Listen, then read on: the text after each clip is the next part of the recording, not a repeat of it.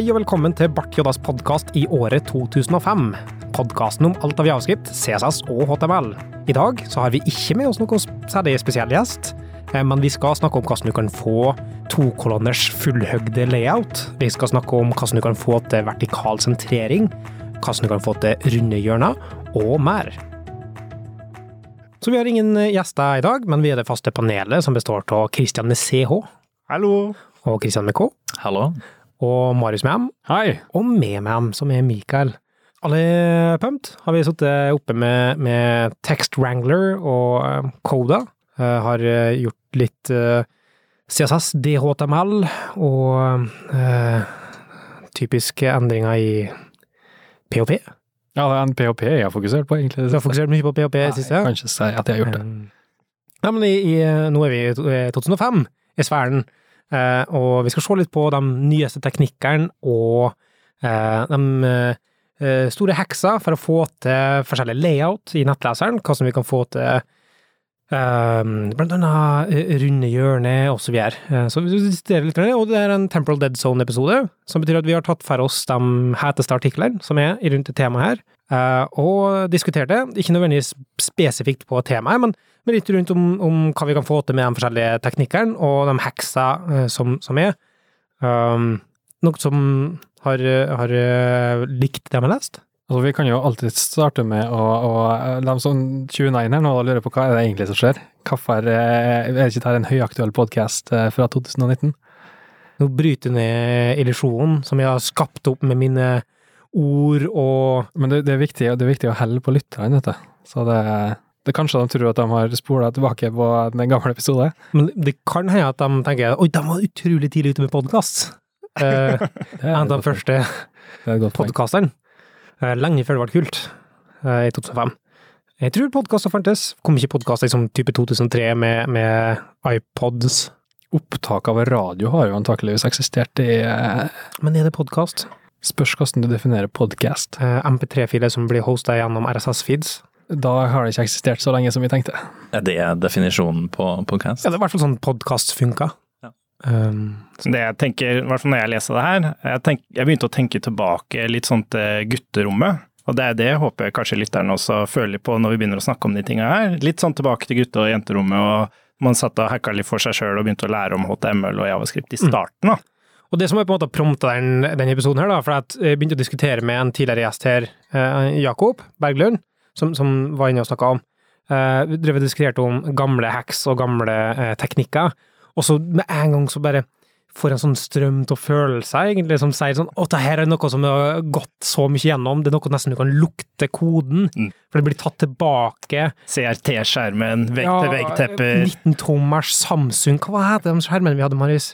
Det var en Jeg har lyst til å si Hundai, men det var ikke det. Nei, det var, det var, det var Jeg tror det var Samsung eh, Det kan stemme. Eh, de var sånn grå og svart. Det, de var utrolig Og så var de ikke kurva, de var helt flate. Flat, ja, som funka utrolig bra til CS på den tida. Ja, ikke Photoshop, men eh. Nei. Men øh, og, og, jeg tror det er på en måte dem som har øh, gått gjennom den, den fasen der, og, og kjenner igjen det, får liksom den samme følelsen av nostalgi Nostalgi Eh, for det, eh, eller nostalgi på, på islandsk, da. Um, og, og det, jeg tenkte det kunne vært artig å diskutere her hva um, Og hvis vi løfter det opp, da, eller hva, liksom, hva er poenget med det? Jo, um, vi driver og snakker på en måte om ofte hva tungvint ting er nå, eller hva eh, ting var bedre før, gjerne, eller eh, nå gjør vi det så avansert, og så videre. Um, og så glemmer vi litt av og til hvordan ting faktisk var, hva dårlig støtte, og hva mye muligheter vi har nå med de teknologiene som vi har. Av og til så blir det misbrukt, men uh, ofte så er det som, helt, helt, store muligheter som, som ikke fantes. Og bare for i 2005, da, som ikke, det er egentlig ikke kjempelenge siden. Altså det som er litt festlig for min del, er jo at det her predaterer jo egentlig min egen programmeringskarriere, så for min del så er jo det her å se på det som kom før. Det her er jo egentlig kjempelangt eh, tilbake for min del. Pre, pre din karriere? Det er det. Du verden, altså. Ja, ja, ja. Men jeg tenker også at før så var det sånn, når ting fungerte, så var det en hack. Det var liksom ingenting som fungerte før i forhold til ambisjonsnivået, men så fikk du hacker. I dag har det i hvert fall blitt en standard, da. Stort sett. Hvis du bruker en hack nå, så er det med en bismak. Før så var en hack en nødvendighet. Det var gjerne å få til noe man egentlig ikke skulle ha fått til, for det var egentlig ikke mulig. Det var en hack da. Ja, det òg, men samtidig så utnytta du svakheter i språka til å kunne få trigge forskjellige opplevelser i forskjellige nettlesere. Nettleseren var ikke så uniform som den var nå, så betyr det at du måtte ta mye større høgde. En ting var å bruke sånn eh, eh, pragma-key-type eh, if IE, så last inn det, det CSS-en her. En annen ting var å bruke for eksempel eh, stjerne HTML body, for at i IE så var det eneste nettleseren som behandla HTML-selektoren som et barn av asterisken. Uh, mens alle andre nettleser gjorde ikke det, sånn at du kunne da putte inn CSS som var kun relevant for din IE inni der. Det er en hack.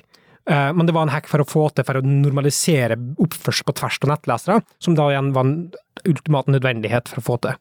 Det var samme måte ting som at CSS-en hadde enkelte nettlesere, kunne ikke parse dobbeltkommentarer, sånn at hvis du eh, tok en kommentar, og så lukka en kommentar, og så åpna kommentaren igjen rett etterpå, så var det eh, nyere nettlesere. De, de, ignorerte det som var inni kroppen. Eh, eldre nettlesere de behandla det som var inni kroppen, som faktisk expressions i CSS, som gjør at du da kunne si at ok, den CSS-en her skulle kun gjelde for IE55, eller IE på Mac, eh, mens den her skal gjelde for, for moderne. da. Men er det egentlig disse hacksa som er grunnen til at vi ikke kommer oss vekk fra gamle IE? Nei, Vi har kommet oss vekk fra gamle IE. Nei, altså det, det er en gamle, nå, nå er vi, vi er forbi det punktet nå. Det finnes enkelte som fortsatt har det, men nå etter som IE har eh, også sagt det end of life på alt, så er det nesten alle som går over vekk fra I11 òg. Og I11 er tross alt ikke kjempedårlig, altså den har det meste. Den har, den mangler space between i flux, nei, flex, eh, og den mangler et par sånne andre ting, men det er ikke, det er ikke krise. Du får til nesten alt du skal få til, eh, og i hvert fall hvis du tenker liksom progressive enhancement eh, eller, eller graceful degradation-tankegang, så får du til nesten komplette featureset i 11. Men, men Men hva, hva var det heiteste innenfor IE i 2005? Hvilken Eh, versjon snakker vi? i 2005, da var jeg IE6. Men det som var problemet, er at vi måtte fortsatt ta hensyn til IE55 og IE5. Men, og det var ikke så ille, men IE på Mac, som de hadde i en sånn liten periode, det var første nettleseren, tror jeg, på Mac, og den var ren, skjær søppel. Var ikke det et sånn kompromiss mellom Microsoft og Apple fordi at Ja, Apple skulle det var komme som investor for Apple eller et eller annet slikt? sånn?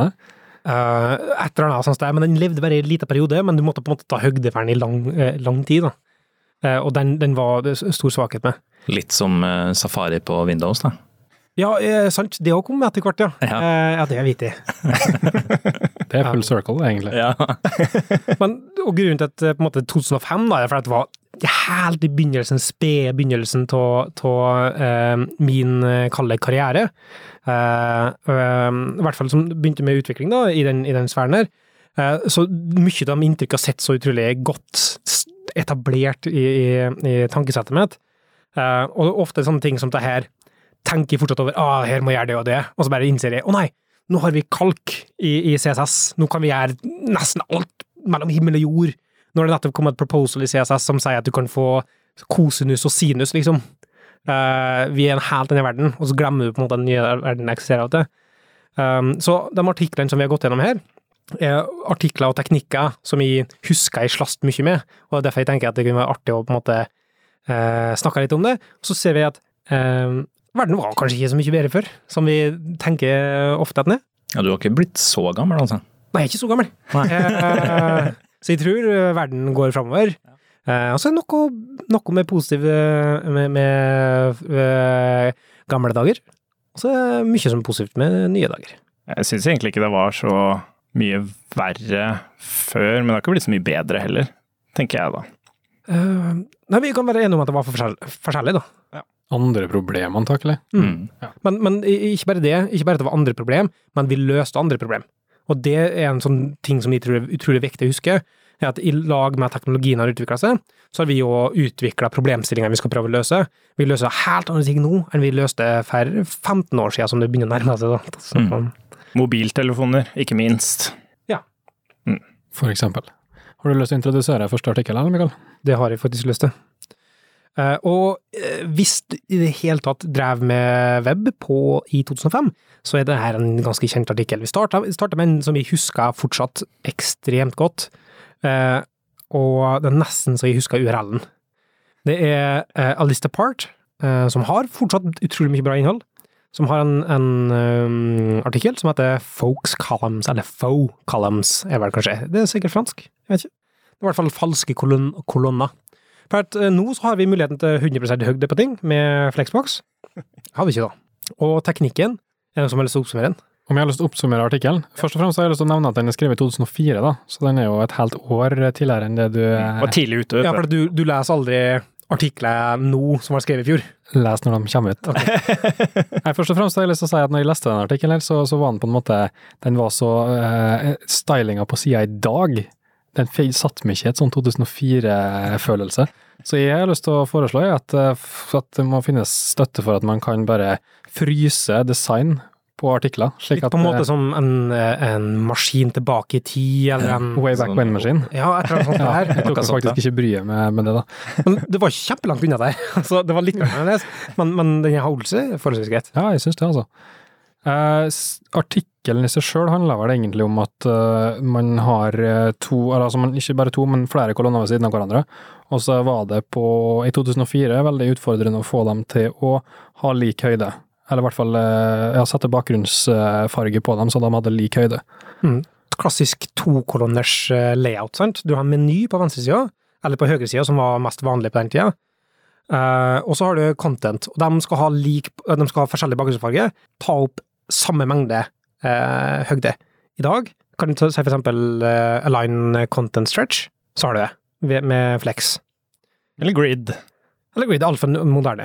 Det kan ikke. Nei, jeg, heller, jeg tenkte litt på det i stad. Er det noen som egentlig har hoppa over til grid? Marius har drevet Oh yes. Er det det? Jeg er veldig glad i grid. Ja, for det, det er litt sånn jeg sitter Jeg sitter, jeg er veldig stuck. I CSS så er jeg veldig stuck i teknologi, mens i Javascript så er jeg veldig sånn på det. Men man trenger ikke å hoppe over på grid. Man kan uh, bruke det til det det funker best til, og så kan man bruke flexbox til det der funker best.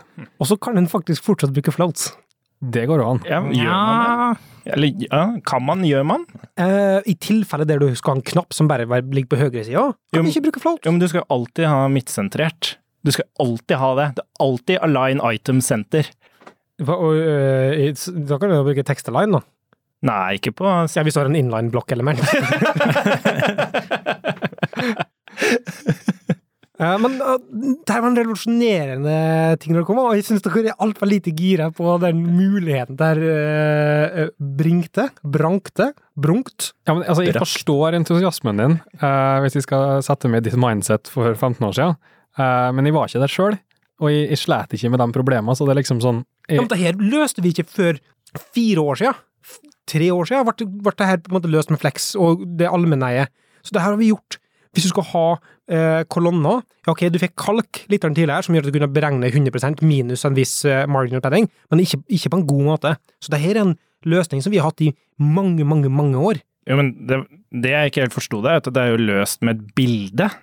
At du lager et bilde, et bakgrunnsbilde. Ja, men det var sånn, Du slisa av Photoshop-filet. Du gikk inn på Slice Tool, tok utsnitt av en forskjellig bilde, for du hadde ikke gradients i CSS på samme måte, Ja. og du hadde ikke shadow på samme måte. akkurat når det kom. Da. Det i spedbegynnelsen, men for å få til shadows i utgangspunktet, så hadde du bildet. Men så, var det i oppløsninga Altså, det var jo oppløsning også, eller hadde alle samme oppløsning på den tida? Eller hvordan fikk de nei, men du hadde statisk bredde. 640 ganger 84. Ja, eller du, du kunne hatt et 1024, så kunne du hatt en 900 et eller annet, da. ja, ja. For å få med litt margin på sida. Men alle så sida i samme størrelse, da? Ja, responsivt design var liksom ikke så hot. Nei, ikke sant? Nei, eh, men det er jo poenget, det faktisk ikke. Men Nei. hvorfor kunne de ikke bare Ja, jeg skjønner. Media Curious var ikke, var ikke, var ikke implementert ennå, for det her er på en måte i, helt i begynnelsen av spekkinga til CSS2. For dem som sitter helt frammest på stolen og lurer på hvordan i alle verdens dager løste man egentlig det her, har du lyst til å, å, å elaborate på hvordan man Om vi har. Ja. Så det er egentlig så enkelt. For, at for å få til to kolonner, så tar du eh, Og i, i artikkelen så ser jeg nå at de anbefalte eller De sa å gjøre det på body, men de brukte det på en subcontent. Eh, altså en div som du har sentrert, da. Eh, der, husk på at det var før article og, og section og main eh, på den. Så en div, uh, og så sier jeg uh, ta et utsnitt av sånn som du vil at det skal se ut fra Photoshop, typisk, med Slice Tool, som sier at du har et bilde som er, har rammeren på sida, og så har du de kolonnene som du vil skal ta utgjøre designet. og så setter du det som bakgrunnsbilde på den containeren, og så tar du og repeater den, repeat uh, Y, i uh, nedover, og ikke i X, uh, og da får du essensielt den, den designet hele veien ned. Så, så diven tar ikke opp høyde, men det ser ut som den tar opp høgda, fordi bakgrunnsbildet sier det. Og da var det plutselig sånn at det, nå begynner vi, å snakke, for det var diskusjoner som var på forum eh, som vi hadde, at eh, hva, hva høyt skulle det bildet være? For at til høyere bildet var, til eh, større var det i kilobytes, men så mente jeg at hvis du bare hadde en én piksel høyt, så måtte, eh, eh, måtte nettleseren gjøre mer arbeid med å repetere det flere ganger.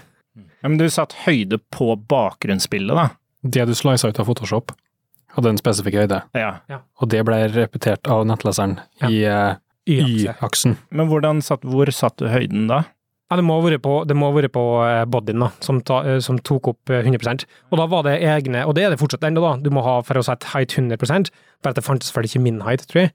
Men det, det fantes sånn eh, min height hacks ute der for å få det til forskjellige nettlesere.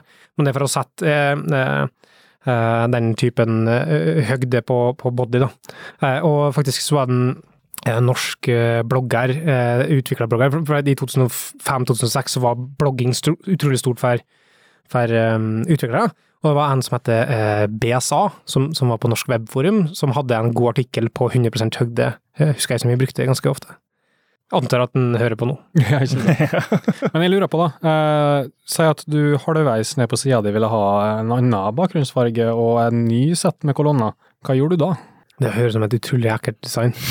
altså, husk, det her, var- det her var, det her var standardlayouten. Du hadde en høyere meny som hadde kategorier, og, og så hadde du venstremenyen, eller venstre innholdet, som, som var artiklene dine. Mm. Og så hadde du en header som gikk eh, på toppen, eh, med, med ofte kanskje sånn horisontal meny, da.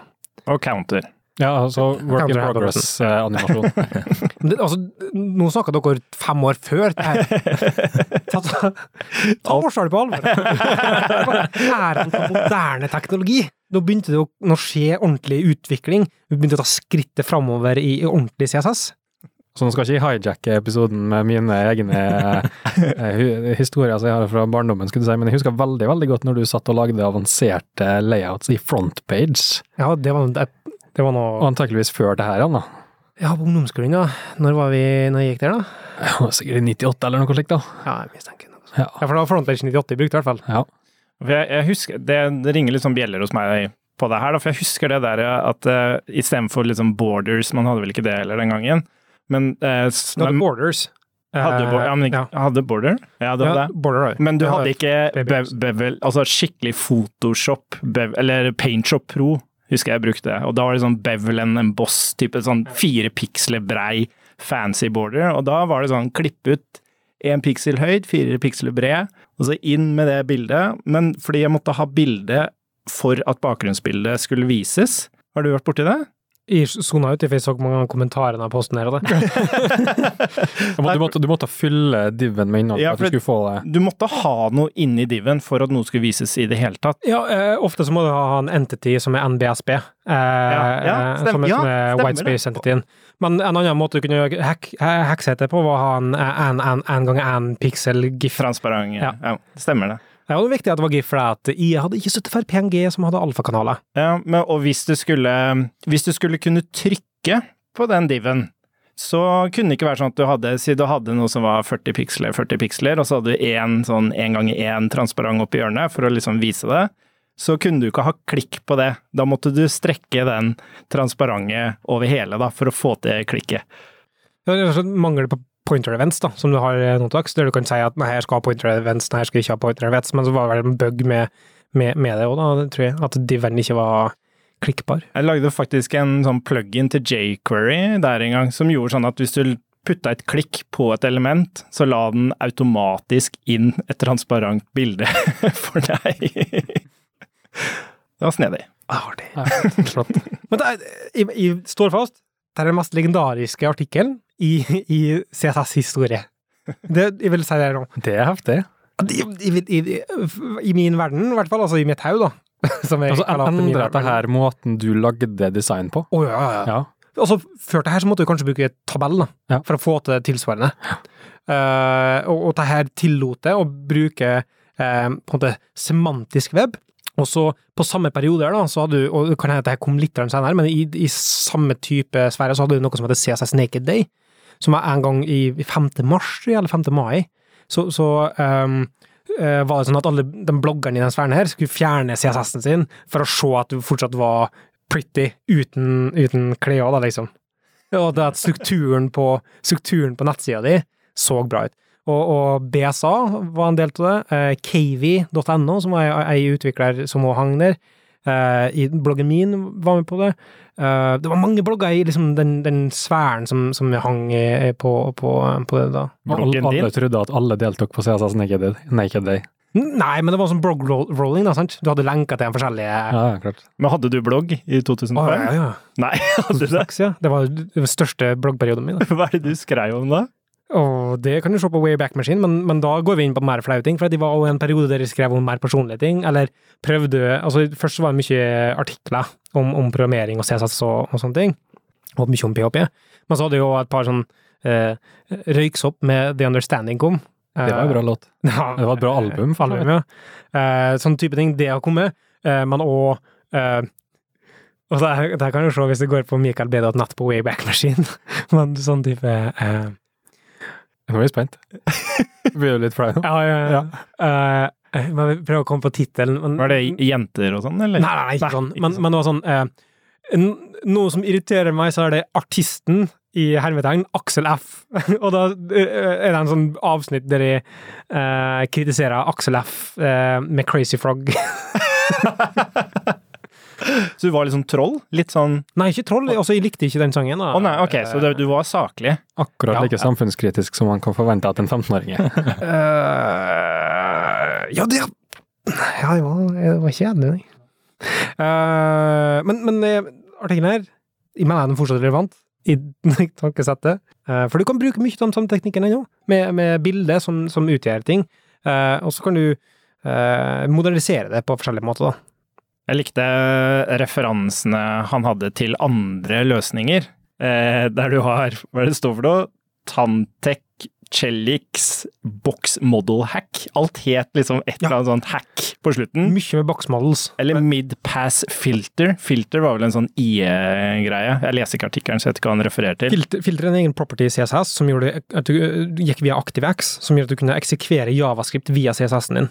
Og ofte så ble det jo brukt for eksempel til Vi har ikke mer artikkel om det, men det var utrolig mye brukt for IE7. Så eh, før IE7 så hadde du ikke støtte for alfa-kanal PNG-er. Så derfor hadde du en, en IE-PNG-fiks, eller en PNG-IE-fiks, eller noe i .js, som du lasta inn, som gikk gjennom alle PNG-ene dine, og så skrev den det om via javascript med filter i CSS, eh, og um, fjerna eh, alfakanal-type ting i PNG-ene dine. Så vi fikk PN, eh, transparente PNG-er i IE6. For du, lagde jo, du hadde jo ikke box shadow heller, så du lagde jo skygger i Mm. Photoshop eller PaintShop Pro eller noe sånt, og så måtte man ha den der for at liksom det her skulle se greit ut i IE. Det, det bare Det kommer hele tida nå, når vi prater. Det er helt eh, fantastisk. Ja, så bringer vi det tilbake. Nå er vi, nå er vi Jeg håper det samme føles likedan for dem som sitter og hører på. ja, Hvis ikke så er det bare sånn eh, noen som står og, og mimrer om gamle dager. det er nesten som å snakke om drømmene sine. Kan være koselig, det òg. Det kan være koselig. Um, en annen ting med boksmodell, sant? Boksmodell er noe um, hva som flyr ting i, i, i, um, i um, CSS. Uh, ikke så mye i domen, for domen er uh, javascript-API opp mot HTML-en. Den har ikke så mye med hva som du styler ting på. Uh, det ville i så fall ha vært CSS-OM, som er CSS Object Model. Ok, beklager. Det er fint du retter meg. Nå retta du så hardt at du ødela din egen Segway. Hva er det neste? Det var, det var verdt det, Mari. Før grids, før Flexbox, så brukte vi utelukkende floats. Float left, float right. Av og til float, float, float left, left. Altså to stykk som er float left, da. Hvis du har for eksempel en, en li som du skal ha eh, en meny, horisontal meny, så tar du alle til float left. Um, hvis du skal ha to kolonner, så tar du ene float left, andre float eh, right, eh, hvis du vil ha margin mellom dem. Det som er problemet hvis du skal ha en footer under der, for da um, får du ikke til den uh, uten at den footeren går innenfor innholdet som er til den uh, uh, contenten som er, som er lavest. For å løse det, så bruker en ofte clear left, eller clear right, eller clear both, som er en CSS property. Jeg husker det her i forbindelse med um, selve innholdet, teksten. Det med bilder og sånn, du skal få teksten til å gå rundt og sånn også. Det er vel egentlig det Det det, er var til? jeg, jeg var til. Ja, Så er det jo jeg layouts basert på det, Ja. er en slags hack i seg sjøl. Ja. Også, også på Clear Both, som det ofte, ofte er verdt å bruke, uh, i hvert fall i layout-forstand, uh, den var den, det er helt legit. Det, det var meninga til CSS. Så det vi ofte gjorde, var å ha en breakline, altså en BR-tag, i CSS-en, som sa BR clear, altså class clear. Og så inni den så har du en clear both. Men folk begynte å bli irritert da, over at du må sette inn sånne BR-tags willy-nilly i koden din, for at de har ingen mening. Og så må du just, så må style en til å ha en én piksel høgde, og så videre, så tok det opp teknisk sett noe i viewporten din. Så det er noe han begynte da å gjøre, var å bruke pseudo-elementer. Og du har to pseudo-elementer i, i CSS, eh, som, som er after og before. Da kan du sette inn liksom fake elementer i CSS-en din, og med after så kan du da sette inn en til slutt, etter noden som du har, og så kan du sette clear both på den. Så, så clear fix var noe som brukte den teknikken her. Um, så en må da si ok, vi lager en fake element som kommer i slutten her, og så tar vi clear both på den.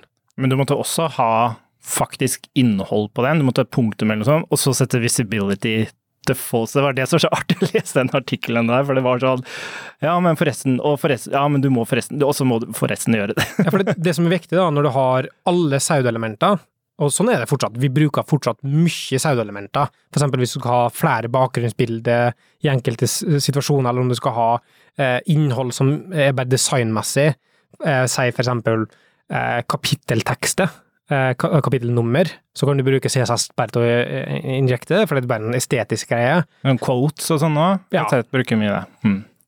Så, så det er fortsatt i stor bruk. Og det, fortsatt det samme gjelder i dag. Den må ta opp plass i, i, i boksmodellen din. Um, og um, da gjør det det med å si Den må være en, en display-blokk. Gjør det til et blokkelement. Og så må du si content, og da kan du sette inn en streng der, men det holder å bare ta en tom streng. Og da får den på en måte innhold. Og da tar den opp en plass i, i viewporten din, og den er i boksmodellen din, og da kan du bruke clearfix. Men det var interessant det som var om IE, at du måtte eh, trigge en effekt rundt IE som heter hva er det, use layout, eller has layout heter det. Og det minte meg så om eh, hvordan vi noen ganger bruker translate 3D til å optimalisere rendring og sånn i forhold til layers og sånn. Og det var liksom samme greia, at du bruker en properties som ikke er, i det tilfellet her zoom, som det ble referert til, for å trigge en property som egentlig ikke har noe med zoom å gjøre, da. Og det er ganske relatert til som, som du snakka om, eh, men sjøl det du sier, da, det at du bruker translate 3D i stedet for translate 2D, var for å trigge GPU eh, akselerert eh, animasjoner i CSS. Sjøl det er en eh, som å gjøre på. Alle translate 2D i nettlesere nå bruker GPU-akselerasjon i utgangspunktet, så det å bruke 3D, altså 3D eh, translations er òg på en måte eh, en, en arkaisk eh, Jo, men du bruker jo også i forhold til å unngå rendring i forhold til animasjoner og sånn, at du kan, du får Det er sånn jeg har forstått det i hvert fall, er at du, hvis du har translate 2D, så vil den alltid eh, behandle elementet på nytt, eller kalkulere, nettleseren kalkulerer elementet på nytt hver gang du starter og stopper animasjonen, på en måte. Mens hvis du har translate 3D, så er det en fast layer, som den aldri trenger å evaluere på nytt, da. Hmm. Så en Ikke, ikke kjent fantastisk men artikkel. det er interessant. Jeg har ikke hørt. Mm. Um, jeg, jeg er mest kjent med at, de bruker, at det ble brukt 3D for å eh, flytte over jobben på GPU-en i stedet for å gjøre det via CPU. Ja, nei, det også er riktig. Men det er også sånn layer-system her. Som er, men det er søk på det, for det er ganske interessant. Men alle her har brukt Clearfix. Ja, men Sant. det er for min del en god stund siden, tror jeg. altså. Ja, det er fordi du ikke bruker så mye float lenger, da, men Det er sant. um, Når er det sist du brukte det, Mikael? Du snakka så varmt om det før vi starta å ta opp, eh, så det hørtes nesten ut som du brukte det i går. Nei, men igjen så handler det om på en måte Plutselig så slapp du Si at du, du brukte et CMS, sant? Og så skulle du floate ting via et CMS, eller du skulle ha styring fra en kunde eh, via et CMS, eh, eller et eller annet verktøy. Så måtte du på en måte Hvordan skulle du få inn en BR med Clear Both? Når du har det på den måten? Det går ikke. Nei. Men for å stille spørsmålet annerledes, da. Eh, Når er sist du floata? Uh, stille vanskelig, men på fritida så floata jeg gratis. så, Ja, jeg tenkte faktisk på det samme, jeg er alltid usikker på hvordan jeg skulle trigge den tanken hos deg, men det var Når, når blir det flaut å si at du har eh, brukt float? jeg synes, altså, jeg mener, Noen vil sikkert påstå at det er flaut nå. Ja. Jeg, vil ikke, jeg syns float har sin posisjon. Jo, men jeg tenker i forhold til det jeg var inne på i stad, i forhold til Jeg fikk det ikke med meg. Var det, Eh, jeg kan ta den på nytt, jeg. Ja. Uh, float har sin posisjon. Var det morsomt? Å nei, jeg tror det var derfor du lo. Ta det en gang til, da. Nei, nå er Det er brukt opp. den er ganske artig. Ja, ja. Uh, men uh, hvor artig er det hvis du er på en måte sånn relative? Å hvor, Å ja, nå kom den. Okay, så den, Fordi det har med posisjonering å gjøre. Yes. Ok. Var den fortsatt like dårlig? Nei, nå, har det, nå, er jeg, nå er jeg litt flau, så nå klarer jeg ikke Men uh, eh, altså, jeg mener at du kan bruke fortsatt ennå. Eh, for eksempel, eh, hva er rett og Nei, Flex Nei, jeg, jo, men jeg tenker, sånn som vi var inne på i stad, man brukte float fordi man ikke hadde flex, mm. uh, men man trenger jo fortsatt, man kan ikke bruke flex til å rappe tekst rundt bilder og sånn, for eksempel. Du, Nei, er bruker da bruker jeg float. Du bruker float til det. Så hvis du er sånn content heavy på bilder og tekst og sånn, så vil jeg tro at man floater både litt her og der. Ja, Det er sant. Du bruker, du bruker float til det du var ment til, da. Ja, ikke sant? Men nå bruker du vel klipp eller noe sånt for å få det helt snøgg rundt eh, bildet? Clip-path eh, og, Ja. og sånne ting. ja. Eh, ja, men du må fortsatt floate det. Ja, det er mulig. Clip-pathing er bare hva, hva stor plass den tar opp i viewporten, så, så du må fortsatt floate det til f.eks. venstre eller høyre for at det tekstet skal gå rundt det. Så float lever i aller største grad ennå. Eh, lenge leve. Clearfix, alle har hørt om den. Ja. Mm. tror jeg. Fortsatt en dag i dag, så tror jeg Kanskje tar jeg Hvis du starta på en måte med CSS nå, og du googler etter noe Så ja, det, er ikke, det er ikke det første du finner. Ok. Nei. Derfor, for å finne de artiklene her, så måtte jeg også sette Jeg- jeg håper- årstallet på søkemotoren til 2005 eller før. Jeg håper ikke det er noe du lærer på skolen, da. Det ville ikke overraske, ikke overraska meg. Nei, men Nå tar dere vel litt i det. Man lærer historie på skolen òg. Lærer ikke CSS og HTML på skolen. Nei, ikke sant. Men jeg nevnte jo også det med at man kunne bruke javascript og automatisere det. At du kunne bare liksom bruke en, et klassenavn, og så gjorde den det her etterpå. Det syns jeg er liksom pussig at det var på en måte helt greit, det. I dag er vi helt sånn der alt skal være Jeg tenker server-side Det, det er så pussig hvordan ting har blitt. Du har liksom server-side rendering, kritisk CSS, ikke noe sånn derre eh, Hva kaller de alt det her blinkinga og Det er noe som ligner litt på fo Fox. Fo. Fo? Ja, men sånn i forhold til blinking og sånn.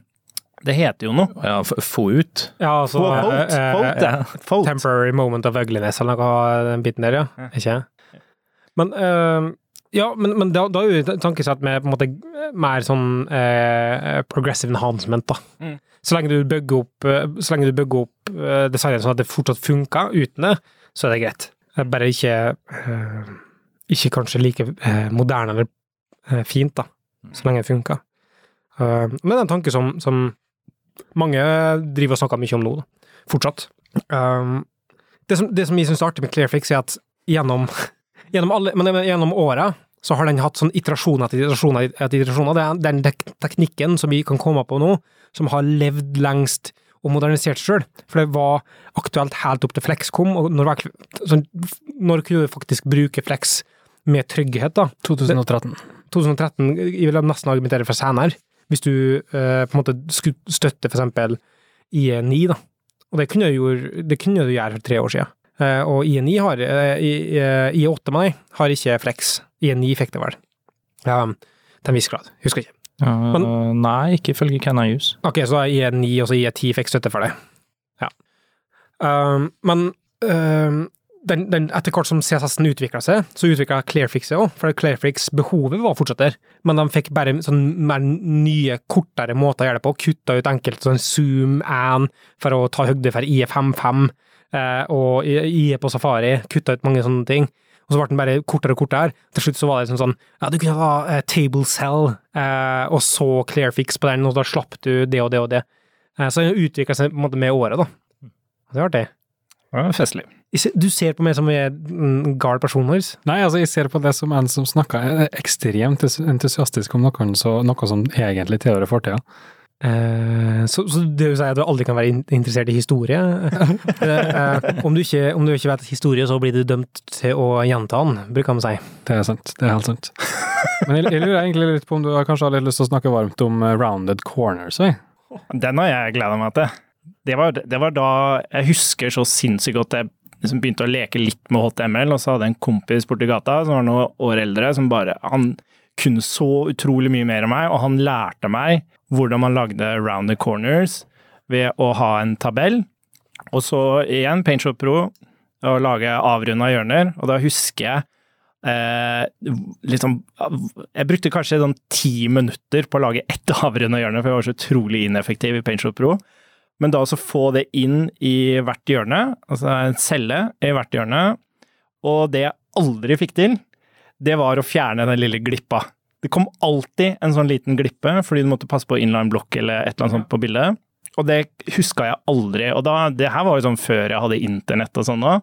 Og jeg sleit så sinnssykt med det. Men den gleden av å liksom oppnå den type design, da, der du hadde avrunda hjørner, det var bare magic. Akkurat den gleden der, det jeg vil ha fram. Brown Corners er et, ganske, et sånn konkret eksempel på hacking for å få det til. Du har gått gjennom mange forskjellige måter å prøve å få det til på. Uh, uh, først med tabeller, og så gikk du over til å ha eh, for eksempel server-side-implementasjoner for det, som vi jo kjente noen en, en eh, som heter eh, Kanskje du kjenner den, Marit? men han heter eh, Vegard Løkås, og ikke Vegard Løkås som vi studerte i lag med, men en fra eh, nesten attmed det vi kommer fra. Han hadde en implementasjon, mener jeg, husker jeg, som gikk på PHP, som genererte via GD2 eller Image Magic, basert på eh, størrelsen som du fikk tilbake fra eh, user agenten og sånne ting, og så genererte du på en måte eh, PHP-implementerte bilder for å få til rounded corners, som er en artig måte å gjøre det på. Mm. Og så etter hvert så eh, fikk du, sånn som den artikkelen her, da, som er Rounded Corners with CSS and JavaScript, som tar og eh, essensielt tar eh, en sånn mellomting mellom det. Den har fire hjørner, og så setter den det inn med å neste eh, inserte domnoder. Eh, fire domnoder, ett for hvert hjørne, og sette background position i de forskjellige posisjonene med de forskjellige eh, eh, eh, rounded corner-hjørna. Det, det som slår meg med denne artikkelen her, da, det du beskriver nå, er jo egentlig ganske avansert. Og jeg anser meg sjøl som en sånn, som passe greit nysgjerrig person, men for å, for å komme på det her, så skal du være passe gira på rounded corners. Men at det her er en forholdsvis naiv, eh, rett fram-løsning. For at uh, det her er, det på en måte direkte oversettelse fra vi hadde tabeller, og så vil vi reprodusere det samme teknikken med diver. Det er egentlig alt det. Uh, men det fantes mange flere uh, kreative løsninger ute og den som jeg brukte mest, som jeg fant på internett, men jeg husker ikke hvor jeg fant den um, var at du har et, et bilde som er um, kjempestort, som har ett hjørne. Så, så du- har bakgrunnsbildet som har eh, eksempel nede i høyre hjørne, så er det rounded corner der, og så ellers så er den kjempehøy i, i, i, eh, i, um, i høgde, og og så kjempebrei bredde. og så tar du background position eh, eh, right bottom, sånn at det blir posisjonert nede i høyre hjørne. Og så har du en pseudo-element på venstresida, som har et bilde som er bare eh, hjørne, og du kan ikke bruke gjennomsiktig, du må bruke et som har samme bakgrunnsfarge som eh, samme bakgrunnsfarge som eh, parenten til boksen du lager round corners i, for hvis ikke så vil du bare få gjennomsikt tilbake til den under. Nede i venstre hjørne, og så har du en som er på toppen, som, eh, som også funker på samme måte. Og, og måten, altså grunnen til at du gjør det på den måten, det er at da plutselig så får du dynamisk eh, Da kan du ha prosentvis høgde, og så justerer du den Mm. i, i den forskjellige måten. Da. Jeg husker jeg første prosjektet jeg jobba i, eh, det var for Netcon. Og det var jo legacy-prosjekt da. Det var da jeg starta å programmere. Da gjorde de det. Og det var sånn skikkelig magic. Men jeg, jeg ville bare sette litt i perspektiv det her med avrunda hjørner. Fordi har du spilt spill med SVGA-grafikk, Marius? Nei, det tror jeg faktisk ikke. Har du ikke det? Nei, jeg er usikker. Det ringer ingen bjeller. Eh, før 3D, sånn FX og sånn, 3D FX, Ja. har, det, har du spilt spill før det? Ja, det vil jeg påstå at jeg har. Eller hvis du tar, tar en en Nintendo, Ja, ja. en gammel Nintendo, Ja. og så tenker du en PlayStation 4. Ja, ja. Det, så stort var det. Det var som å hoppe fra en Nintendo til en PlayStation 4. avrunda hjørner. Fra ingen avrunda hjørner til avrunda. Ja. Det er ganske heftig. Jo, så stort var det faktisk. Vi var på en presentasjon på NTNU med um, Håkon Wiemli, altså uh, attributert som CSS-skaperen i 1995, eh, der han satt i, Cern, uh, som en da nordmann, jobba for Opera lenge, um, som var nesten nesten litt i fistel når rounded border radius ble innført i, i CSS-standarden. Da har han jo gitt slett på det er noe, en egen standard committee som, som som har den nå, CSS-spekken. Uh, og når rounded border radius da kom, så var det Han, han har kjempa mot at det skulle komme hit, fordi at han syntes det så så 70-talls ut. og nå er nå nesten alt har round corners. Ja, I hvert fall det at du kan ta 50% og så får du en runding. En sirkel, ja. En sirkel. Ja, Mm. det Nei, må- Hvor langt vi har kommet, folkens? vi har kommet. Ja, men jeg husker det at det var sykt irriterende at eh, du måtte ha hvit bakgrunn på det, Ja, det corner-bildet ditt. da. Og så når, hvis du plutselig fant ut at nei, nå skal jeg bruke det her på et sted der det ikke er hvit bakgrunn, eller du skal skifte bakgrunn på sida di, så var liksom alt arbeidet du hadde gjort i Photoshop eller Paintshop eller whatever, det var gått rett i dass. Og på den tida her så var det òg utrolig vanlig med altså den stilen, grafiske stilen, var patterns i bakgrunnen. Så du hadde en eller annen sånn tapetpatterns eller sk skråstrek, altså sånn diagonale eh, strek. Og, eh, og det å matche opp sånne ting, da. Og det samme er det med den eh, faux column-hacken. det er at hvis du skulle ha en shadow oppå eh, oppå eh, diagonaler, som, som var populært, så måtte du matche opp det til å stemme med det bakgrunnsbildet som du hadde i meta, som repeterte nedover, samtidig med som du hadde med bildet. Jeg syns jeg husker disse her, eh, skrå bakgrunnene der. Jeg vet, husker at du er veldig fan av dem. Jeg er stor fan anyway. Jeg elsker han Ja, jeg, jeg, jeg, jeg prøver å innføre det Altså. Det, er også, det er så artig å sitte i for eksempel Photoshop eller en, et eller annet, da, og prøve å få til symmetriske eller eh, kalle, altså, repeterende mønster. da. Mm. Jeg savner egentlig ja, sånn Paintshop Pro og Jeg bruker, jeg har, jeg har en sånn, sånn lekelisens på Paintshop Pro. Men jeg, jeg sitter jo Altså, før så satt jeg jo med det hele tida. Gjør ikke det lenger nå. Det er egentlig litt trist. Alt var bedre før, altså. Alt. Ikke sant? Noe var For, for, å, for, for å fullføre sirkelen av artikkelen, så kan jeg si at de satt øh, border radius null i går. Ja, på button. Ja. Ja. Så øh, dit er vi kommet. Men tenk deg hvor enkelt det er nå, da, å sette border radius på noe.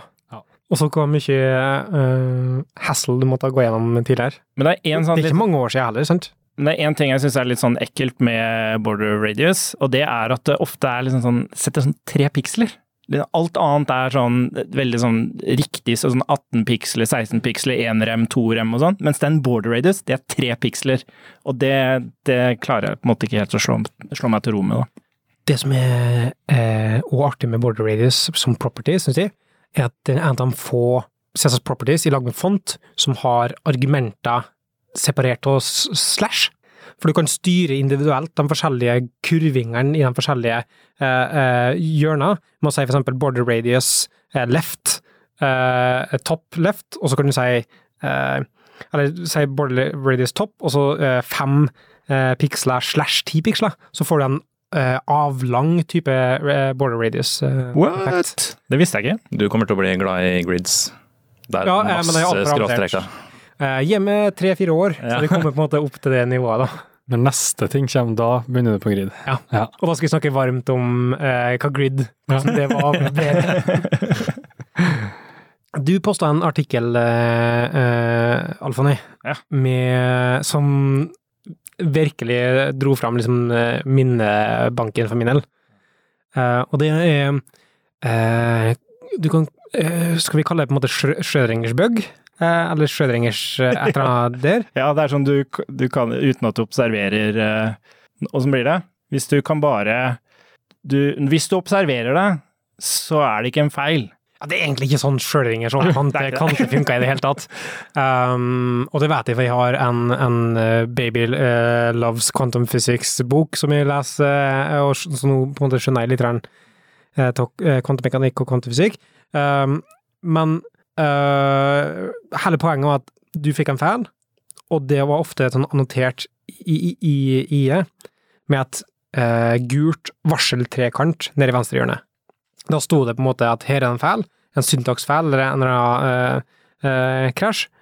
Og så kunne du åpne utviklerpanelet, F12, og så refreshe jeg og se, og så funka det. Så hver gang du ikke hadde utviklerpanelet oppe, så eh, eh, krasja jeg, åpna utviklerpanelet, så funka det. Så du klarte ikke å observere hva feilen var. Mystisk.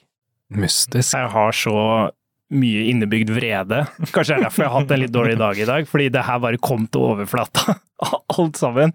Og det her var sånn derre Du merka det ofte ikke før du hadde i produksjon, fordi du jobba jo med utviklingsverktøyet hele tida lokalt. Mm. Og så Jeg husker det så tydelig fortsatt, at jeg gikk på den maskinen, skulle lage noe internt verktøy til noen kollegaer.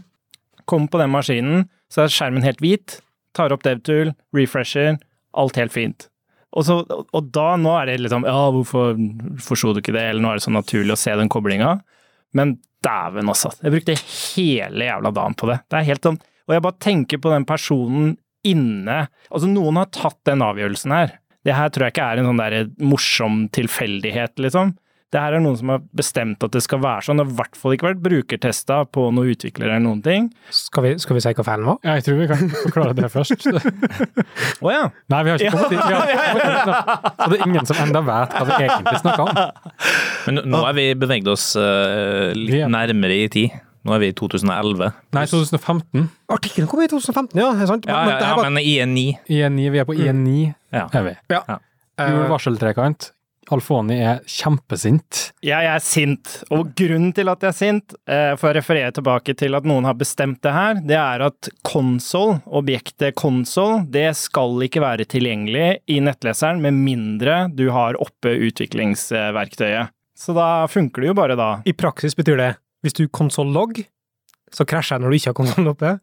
Og det funka når du har det oppe. Ja. Som er vittig. Jo, men det er, det er sånn vittig. Det er vittig. Du gikk fra vred til at det ble vittig. Altså, det er vittig på en liksom sadomasochistisk måte, da. Ja.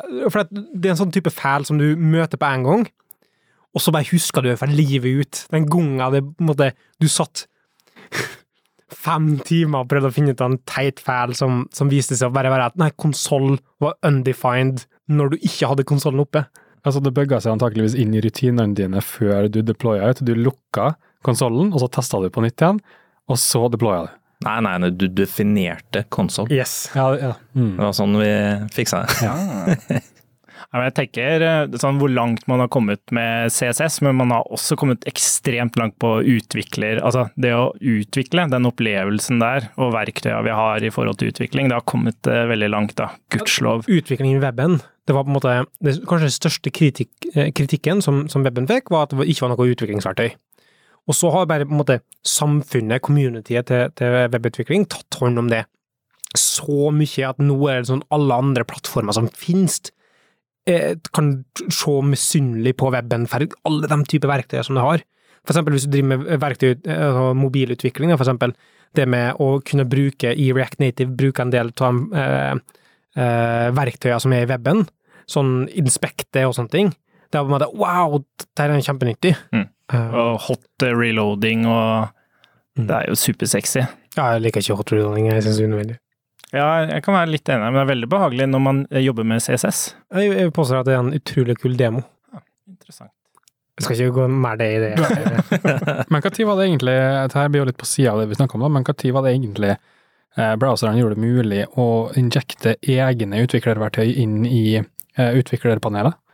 Har det vært mulig lenge? For at i- Nei, altså det er noe API til nettleseren, da. Det hadde extensions. Mm. Uh, men det har, det har eh, um, Var det Den- den Firebugs? Eller? Ja, Firebug, da, som egentlig ikke var Mozilla sin eh, greie. Det var en, det var en utvikler Det var en laga extension som, som har på en måte satt standarden for alle de utviklerverktøyene vi har nå.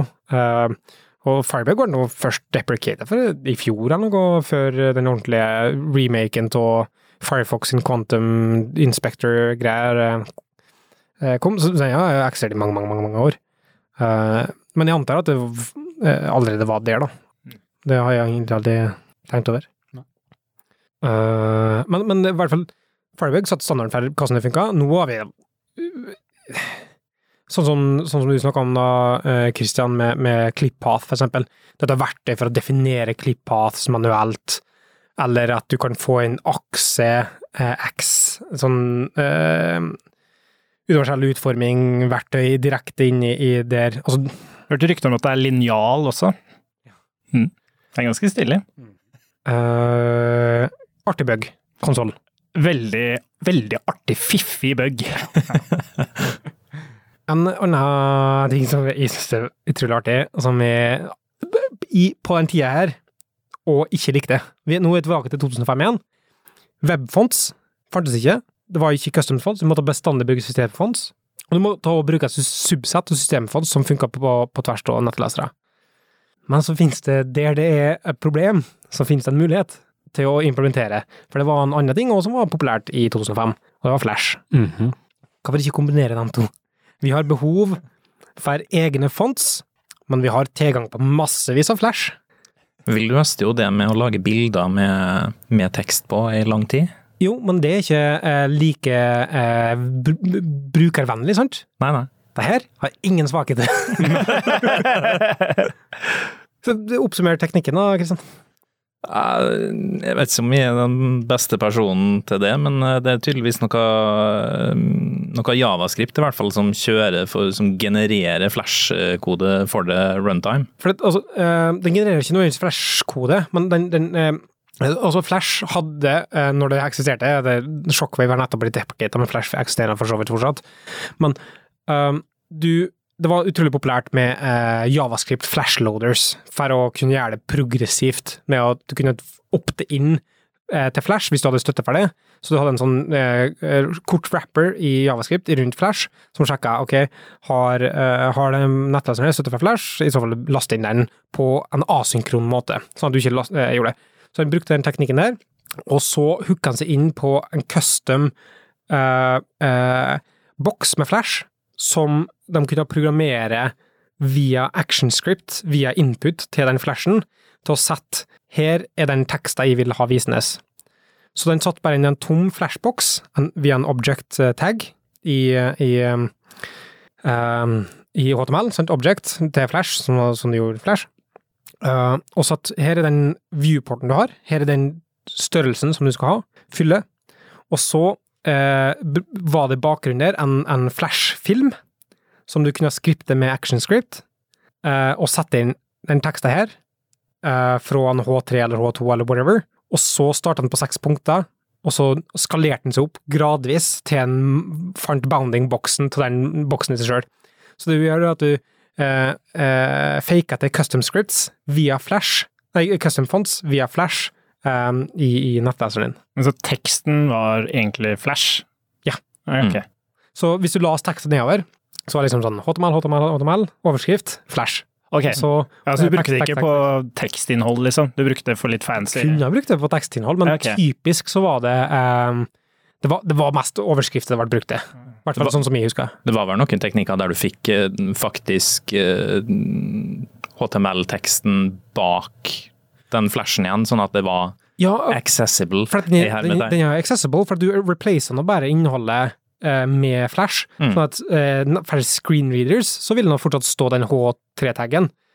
Eh, men du kunne ikke markere Du kunne markere òg tekster, men du kunne ikke markere på en måte eh, eh, Hvis du hadde overskriften som siffer, da, som, som eh, implementasjonen her heter, overskriften som siffer, så dro du ned hele teksten, så fikk du ikke med overskriften, for det var inni Flash. Og, Mm. ja. Det her husker jeg faktisk ikke. Ja, det, det her funka jo helt fram til nettleserne begynte å kutte ut flash, da, at du måtte trykke på en flash-ting for at den faktisk skulle begynne å kjøre.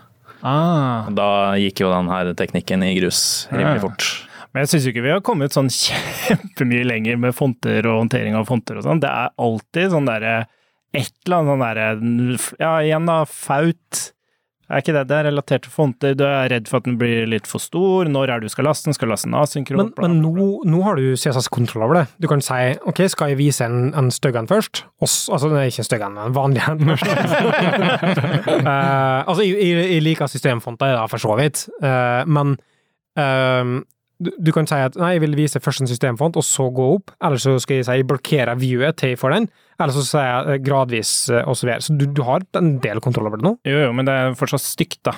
Jeg vil jo at når jeg velger en font, eller ideelt sett så ville jeg valgt en font, og den fonten skulle alltid vært der. Det er, ikke, det er jo sånn der, selv om du har lasta inn fonten sånn eh, i hva heter det, link-taggen, så betyr ikke det at den er aktivert enda. Du Det er ikke lasta ned? Nei, ikke sant. Ja, eller du har lasta den ned, men du har ikke, den er ikke trigga. Ja, ja. Så det er liksom Ja, det blir Det er fremdeles mange teknikker for å få lasta det der eh, raskest mulig, på en måte. da. Nå kan du jo bruke service workers til å cashe fontfiler, f.eks.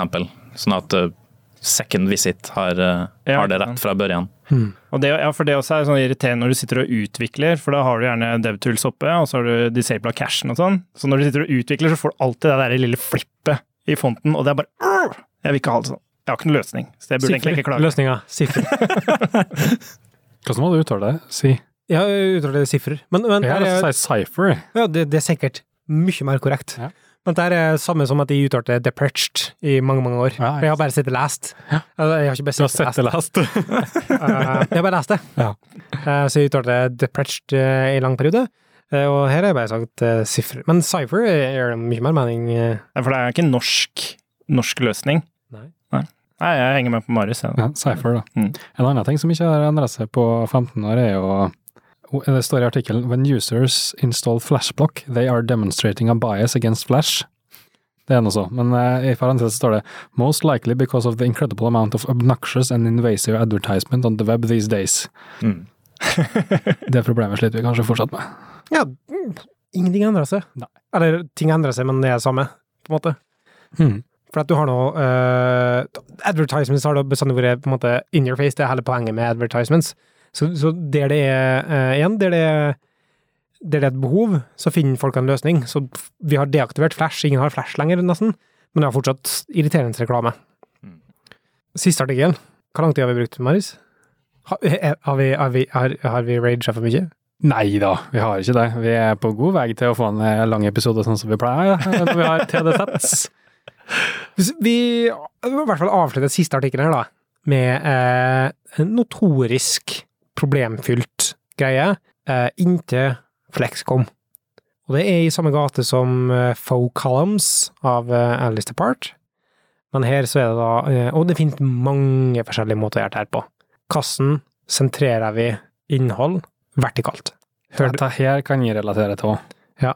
hør på den dramatiske måten jeg innleder jeg på, da. Ja. Med pustepause imellom. Ja. Kunstpause. Artig! ja, ja. mange, mange, mange mange utfordringer med det her.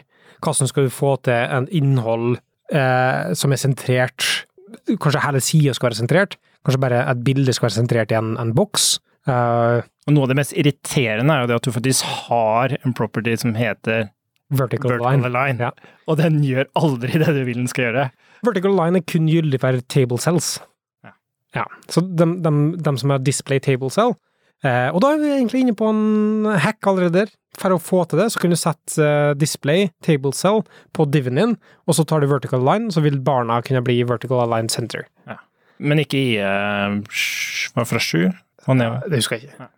Men, men det er det som er mye av hackeren, for at uh, hackeren er ofte sånn at uh, vi fikk det her til å funke, men ikke den nettleseren, så da må du bruke liksom den asterisk, HTML, stjerne, nei, body, uh, og så, eller de kommentargreiene for å prøve å fikse, eller til og med uh, gå til å ha et eget dedikert stylesheet bare for å kompensere for de nettleserne, for eksempel. For at du får ting, ting til å hacke til der, men, men ikke for, nett- for de andre.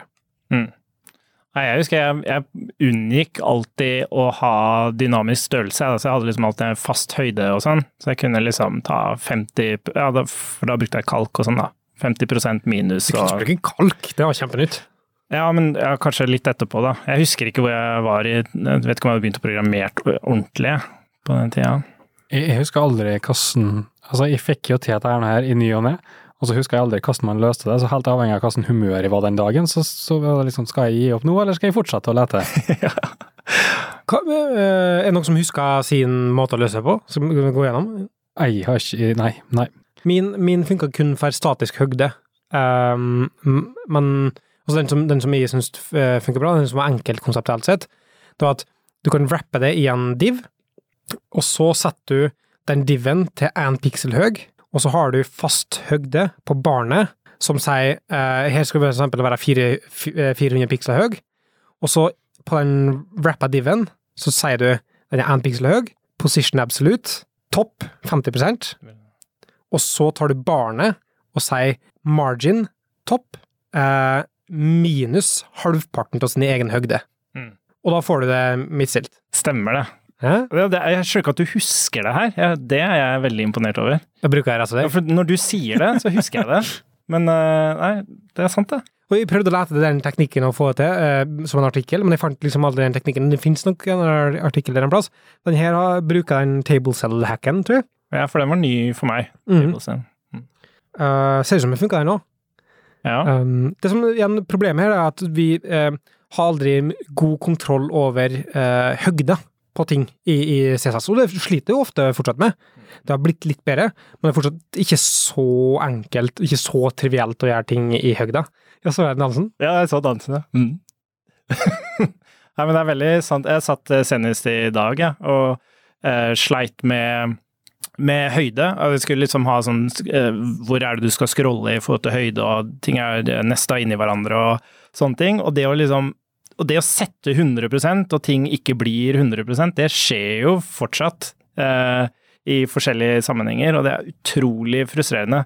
Og det er også litt frustrerende det her med at Flexbox er jo kjempefint, men det er, det er litt sånn fordi du har forskjellige retninger, og avhengig av retning så er endrer column betydningen. Ja, ikke sant? Jeg husker mm. aldri hvem det er som faktisk er Ja, fordi by default så er det row, og da er align items, det er vertikalt, Mhm. og Det er justify, content. eller justify items. Du har også justify content og aligned items, og ja. Ja. Det switcher jo Og når du bytter direction.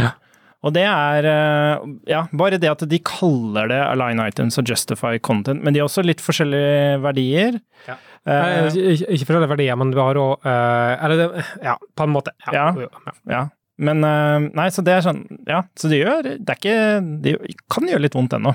Jeg liker flex, altså. Du Jeg må- liker flex, jeg òg. Må spille Flexbox eh, Zombies, så får du det inn i fingrene. Ja, for det, det er litt sånn du må liksom trene opp tankene dine til Har de ikke det Frogger-spillet? Altså Frog-type CSS Flexbox, der du posisjonerer for å hoppe Ja, fra Flexbox Froggy er Ja, også et ja. sånt spill. Men hva er det dere bruker grid til som ikke dere løser med flexbox? Ja, det lurer jeg på. Og, og float. Det er når vi, hvis vi vil ha vi vil ha to dimensjoner i stedet for én, da. Du har nå vært to dimensjoner i Flexbox òg. Alt på weben er i to dimensjoner, med mindre du begynner med set-indeks. Kanskje ikke like enkelt, da. Nei, det er jo her Skal vi se da, hva som blir det her, da. Det å ta det her på stående fot ble, ble jo litt dumt, da. Eh, Men hvis du skal ha I motsetning til resten av podkasten. hvis du skal ha eh, to kolonner rett over hverandre, og så en fullengdekolonne ved siden av, Ja. hvordan gjør du det med Flexbox versus Mm. med grid? Det er veldig enkelt. det som er kanskje verre, da, er at du skal si ok, den her skal ta opp øh, øh, så og så mye, og så skal du ha noe på sida som er uh, enkeltstående element, som er mindre enn den. Det er vanskelig med Flexbox å, å posisjonere. Det at du tar opp større At enkelte elementer tar opp større plass i høgda enn andre. Mm. Det, det kan være utfordrende. Men der ville jeg hatt Jeg ville hatt en container med flex, og så har du to kolonner der, og så har du en ny flex. Du får definitivt det får gå an å løse det med Flexbox, Ja. det er ikke et problem, men det er ikke like elegant. Like elegant. Nei, så det er elegans man er ute etter. Der er du egentlig inne på kjernen til nesten alle sånne hacker, da. Og sammen med border radius og alle sånne ting. Hvis du ikke får det til på ett nivå, nøst elementer, så får du det til. Ja. For, og det som er vært med floats òg, hvis du kan få til nesten akkurat det samme med floats som du fikk med med Flexbox, bare nøst det nok. Det er litt vanskelig å, å aligne i, i høgda, men mye av det får du til eh, med å nøste inn i diva og, og sånne ting. Da. Men en, en ting jeg glemte å, å, å spørre om her, det var Vi snakka om pseudo-selectors. Eh, outside? Ja, den tror ikke Den saken har vært referert i en Ja. men jeg tror aldri eh, Jeg tror ikke den ble innført. Eller så kjenner jeg ikke til den. Nei, jeg kjenner ikke den. Det er liksom akkurat sånn Ja, det rapper liksom Jeg skjønner Nei, jeg vet ikke. Men hvis de har en after and before, så kunne du kanskje hatt en outside. Hvor kommer den inn hen? Man skulle jo gjerne tro at både after og before Ja, eller, ja men si, det er litt sånn interessant, da, for å si at du har Til flex, for eksempel, da, så kunne man kanskje, hvis du vil ha noe i midten, så kunne du heller laga en outside, som da er flex, Display flex. og så har du Align eh, og, og sånne ting der, da. Mm.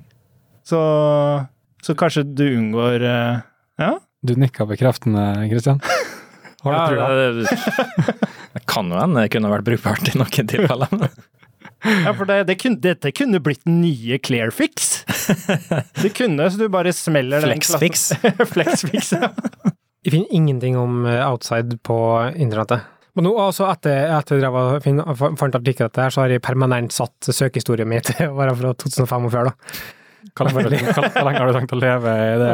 Jeg, jeg pika på den perioden. Sånn. Det er sånn du starter alle prosjektene dine. Det er sånn dette årstall det er sånn for å evaluere hva du egentlig trenger. Eh, men altså, jeg vil si at du får til det meste med den, den, den teknologien her. Um, har ikke behov for så mye mer. Så du, i stedet for å ha CSS Naked Day, så har du nå CSS Past Day, der du bare switcher stillsettet ditt? Nå snakker vi. Ja. Men Hørte du forslaget mitt til nye Clearfix, eller? Jeg tror ikke du fikk med det. Ja, du så- eh, og etter den, da. Ja, og Flex, ja. Ja. Mm, ja. Ja, sikkert bra. Ja.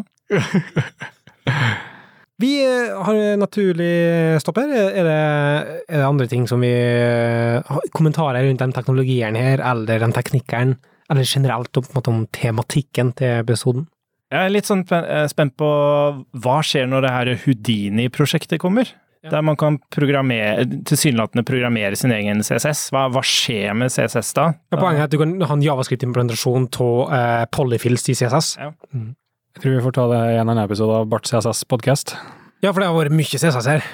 Men eh, det viser seg nå at um, Husk på i 2005, som var det året før Jakery kom ut. Det fantes Prototype, Mootools, eh, Dojo fantes. Um, men det var ikke så mye brukt. Jeg tror den første liksom, ordentlige spaen kom i 2006-2007, periode med, med Gmail sin, uh, Gmail sin implementasjon, som er på en måte regna på mange måter som den største, store, altså den første store uh, spaen. Så, så det var liksom det var mest brukt som en sånn DHTML-type greie fortsatt, da. Ehm, og de fleste hekser var på en måte CSS-relatert. Så derfor inkluderte jeg at det måtte være en CSS og HTML-greie, da. Eh, det er jeg mer redd for at um, Ganske snever episode.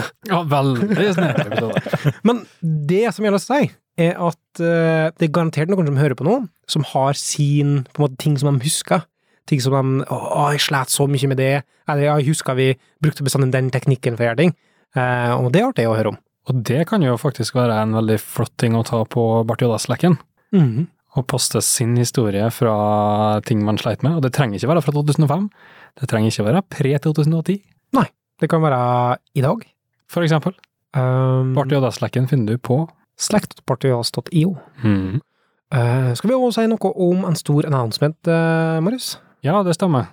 Det, I nær framtid, vi har ikke helt eh, spikra dato for det ennå, men eh, for dere som har hørt juleepisoden av eh, julespesialen av Bartiodas podkast, hvis du ikke har gjort det ennå, så kan du gå tilbake og høre den. Den ligger ute på soundcladen vår, eller andre, andre, alle andre plattformer, for, for eksempel. Så skal vi ha et uh, liveshow i Trondheim, foran et live publikum. Det blir et, uh, et Forrykende show. det blir et forrykende show. Det blir et, et, et kombinert eh, show med læring og underholdning. Det blir litt spenning. Uh, Det blir kanskje litt kleint. Mye spenning. Ja. Uh, og mye angst. Ikke for publikum, da. Nei, nei, det er usedvanlig trivelig for publikum.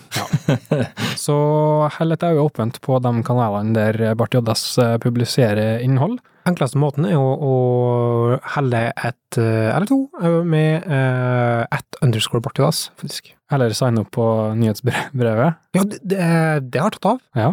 I den formen noe kan ta av, som et nyhetsbrev.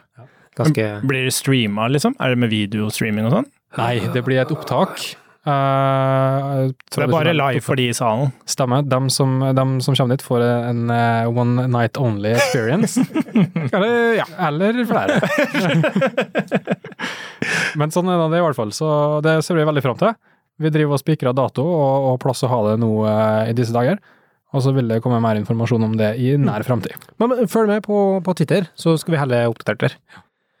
Um, det, det er bra. Hvis, eh, hvis noen har eh, spørsmål om border radius, uh, Christian Foley, hvor kan de kontakte? Ja, hvis du ja, skal implementere med PaintShop Pro, Ja. tenker du? Ja. Uh, Det vet du jeg har uh, prøvd å gå vekk litt fra Twitter nå. Sånn i forhold til notifications-dop og sånn. Sånn at du må sende meg en direktemelding på Twitter på at Christian Alfoni.